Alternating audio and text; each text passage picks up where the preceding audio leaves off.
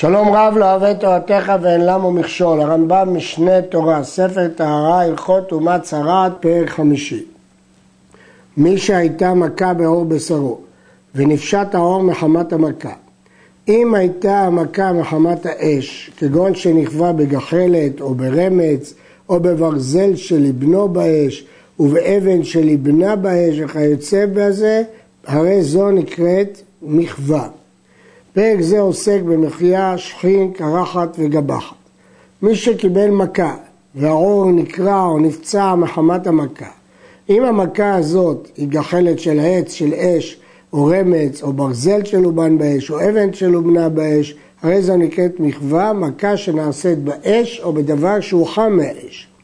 ואם הייתה המכה שלו מחמת האש, בין שלקה באבן או בעץ וכיוצא בהם, בין שהייתה המכה מחמת חולי הגוף, כגון גרב או חזזית שהפסידה או, או שחפת וקדחת או דלקת וכיוצא בהן שהשחיתו הרוב, הרי זה נקרא שכין.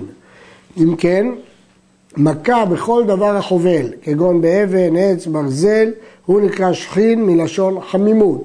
וגם אם זה מצד מחלה, הגמרא בפרק חולין אה, מוסיפה שאם הוא לקה בעבר, גם זה נקרא שכין. ליבן שיפוד והיכה בו. ובכן, כאן יש גם ליבון וגם מכה.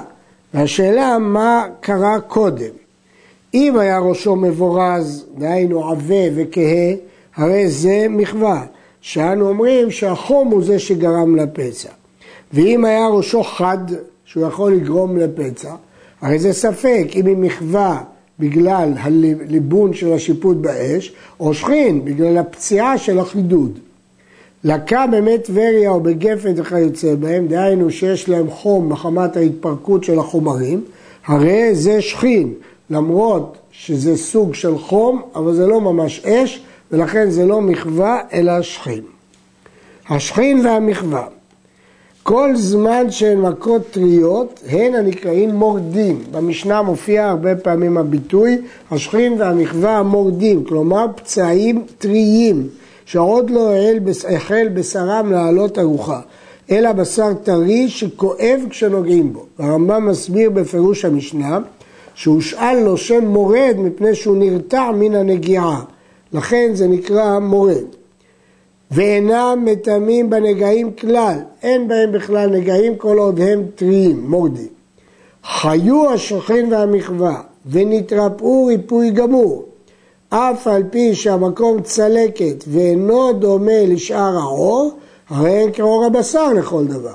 הוא מטמאין בשלושה סימנים ויש בהם הסגר שני שבועות כמו שבארנו. אם כן, כאשר השלב הוא המכות הן טריות, זה לא שכין בכלל, מכיוון שהמכה היא טריה וזה לא מטמא בנגע כלל.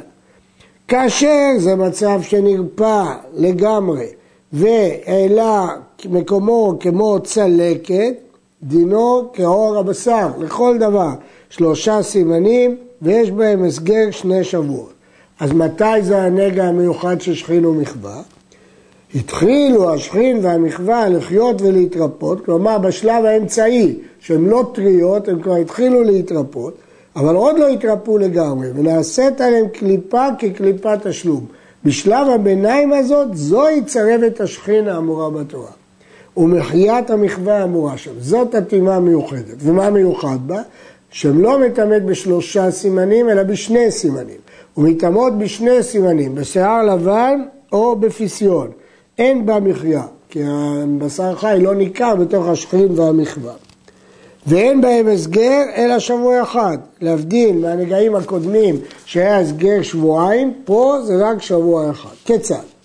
בערב שהייתה בצרבת השכין או במחיית המחווה, אם היה בשיער לבן, יחליט. לא היה בשיער לבן, שזה הסימן היחיד בהתחלה, רק שיער לבן מחליט. יסגיר שבוע אחד ויראה בסוף השבוע. אם נולד בה שיער לבן או פסק, או שיער לבן או פסיון, יחליט לטומאה. ואם לא נולד בה כלום, יפתור, כי אין הסגר אחרי שבוע אחד בצרבת השכין והמחווה. פסט לאחר הפטר, או נולד בה שיער לבן, יחליט, כמו שלמדנו בדינים הקודמים, שגם אחרי הפטור, אם חזר הסימן, פשיטא שהוא טמא. השכרין והמחווה אין מצטרפים זה עם זה, כלומר אם יש חצי כגריס שכין וחצי כגריס מחווה, הם לא מצטרפים. לפיכך, חלקן הכתוב, לכן חשוב לדעת מה זה שכין ומה זה מחווה, והתורה חילקה ביניהם, לומר שאין מצטרפים זה עם זה, ואין פוסים זה לזה. שכין לא פוסל למכירה ומכירה לא פוסל לשכין. ואין פוסים לעור הבשר, ולא באר את עור הבשר פוסל לתוכה. כיצד? היה שכין בצד המחווה. ובערב כגריס בשתיהן, הרי זה טהור, כי הם לא מצטרפים זה עם זה. הייתה באחת מהם ופסט לשנייה, או שפסט לאור הבשר, טהור, כי אמרנו שהשכין והמחווה לא פוסים זה לזה ולא לאור הבשר. הייתה בערב באור הבשר ופסט לאחת מהם, אינו פסיון. היה בתוך כפו צרבת שכין כגריס, ובא בערב כגריס, יזהיר. שאף על פי שאינה ראויה לשיער לבן ולא לפיסיון, שמא ייוולד לו שכין אחר בצידה ותפסה לתוכו, והשכין לתוך שכין הוא יכול לפסות. שכין שנעשה מחווה, ביטלה מחווה את השכין, ומחווה שנעשית שכין, ביטל שכין את המחווה. כלומר, הדבר האחרון הוא הקובע. אם אין ידוע אם שכין היו או מחווה, אין בכך כלום.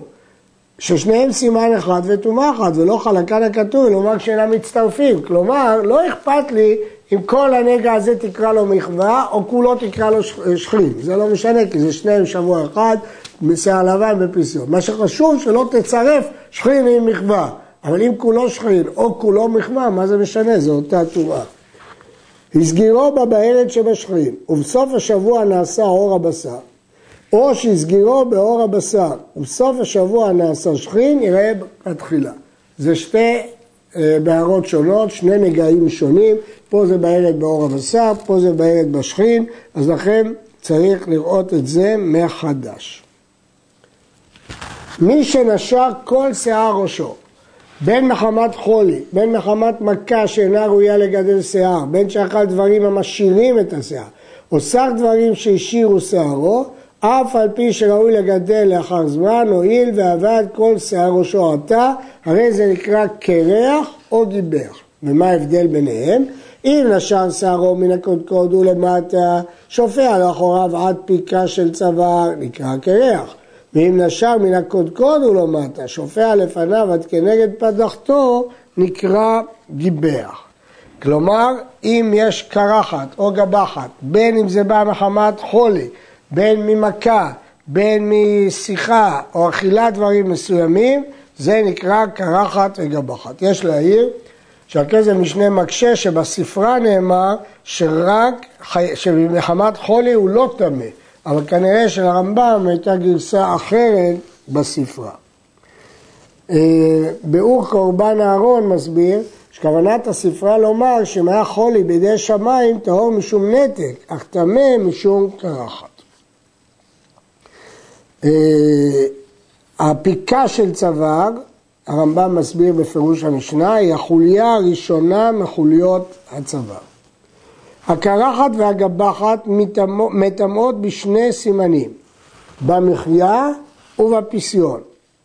כמובן לא שייך בהם שיער לבן, כי זה קרחת וגבחת, אז רק מחיה ופסיון.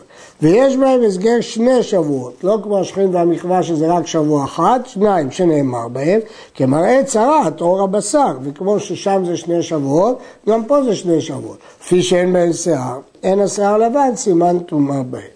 וכיצד מטמאים בשני סימנים ובשני שבועות? איך הם מטמאים בשני סימנים? שאם הייתה בערב בקרחתו בגבחתו, אם הייתה במחיה, יחליט מיד לטומאה. לא היה במחיה, יסגיר, ויראה בסוף שבוע. אם נולד במחיה או פסיון, יחליט. לא נולד לו כלום, יסגיר שבוע שני. פסר שנולד במחיה, יחליט. לא נולד בה כלום, יפתור. ואם פסת או נולד במחיה לאחר הפטר, יחליט כפי שראינו בכל הנגעים הקודמים. הקרחת והגבחת אין מצטרפות זו זו, חצי גריס בקרחת וחצי גריס בגבחת לא מצטרפות, שנאמר בקרחתו או בגבחתו, מלמד שהן שתיים והן פוסות מזו לזו ולא נשאר אור הבשר, ולא בארץ אור הבשר פוסה לנגדם. הן לא מצטרפות, הן לא, לא נחשבות פסטיון אחת לשנייה וגם לא לאור הבשר. יש להעיר שהרמב"ן ציין את הגבול בין הקרחת והגבחת בחלק העליון של הראש, אבל הוא לא ציין את הגבול בצדדי הראש. הקרחת או הגבחת, או הזקן שנכרך ונעשה בהן שכין או מחווה, מטמאים בשכין ומחווה כאור הבשר. שהראש והזקן שנכרכו כאור הבשר לכל דבר, אלא שאין מטמאים בשיער לבן. כלומר, קרחת או גבחת שיש בהם אה, שכין או מחווה, מטמאים. כדינם כאור הבשר. ההבדל היחיד הוא רק שאין בהם שיער לבן. הראש והזקן קודם שיצמח בהם השיער, ועדיין לא העלו שיער מעולם. וכן הדלדולים שבראש ובזקן, גבלות, נפיחויות רכות, שאין עליהם שיער. הרי הם כאור הבשר ומטמאים בשלושה סימנים ובשני שבועות. פה זה כן מטמא בשיער לבן. וכן זקן האישה והסריס עד שלא העלו שיער, הרי הם כאור הבשר. אם העלו שיער הם כזקן האיש שמתעכב במתקים כמו שהתבהר ואינו מטמא בבהרת. אחרי שיש שיער זה מתק כפי שנלמד בהמשך. עד כאן.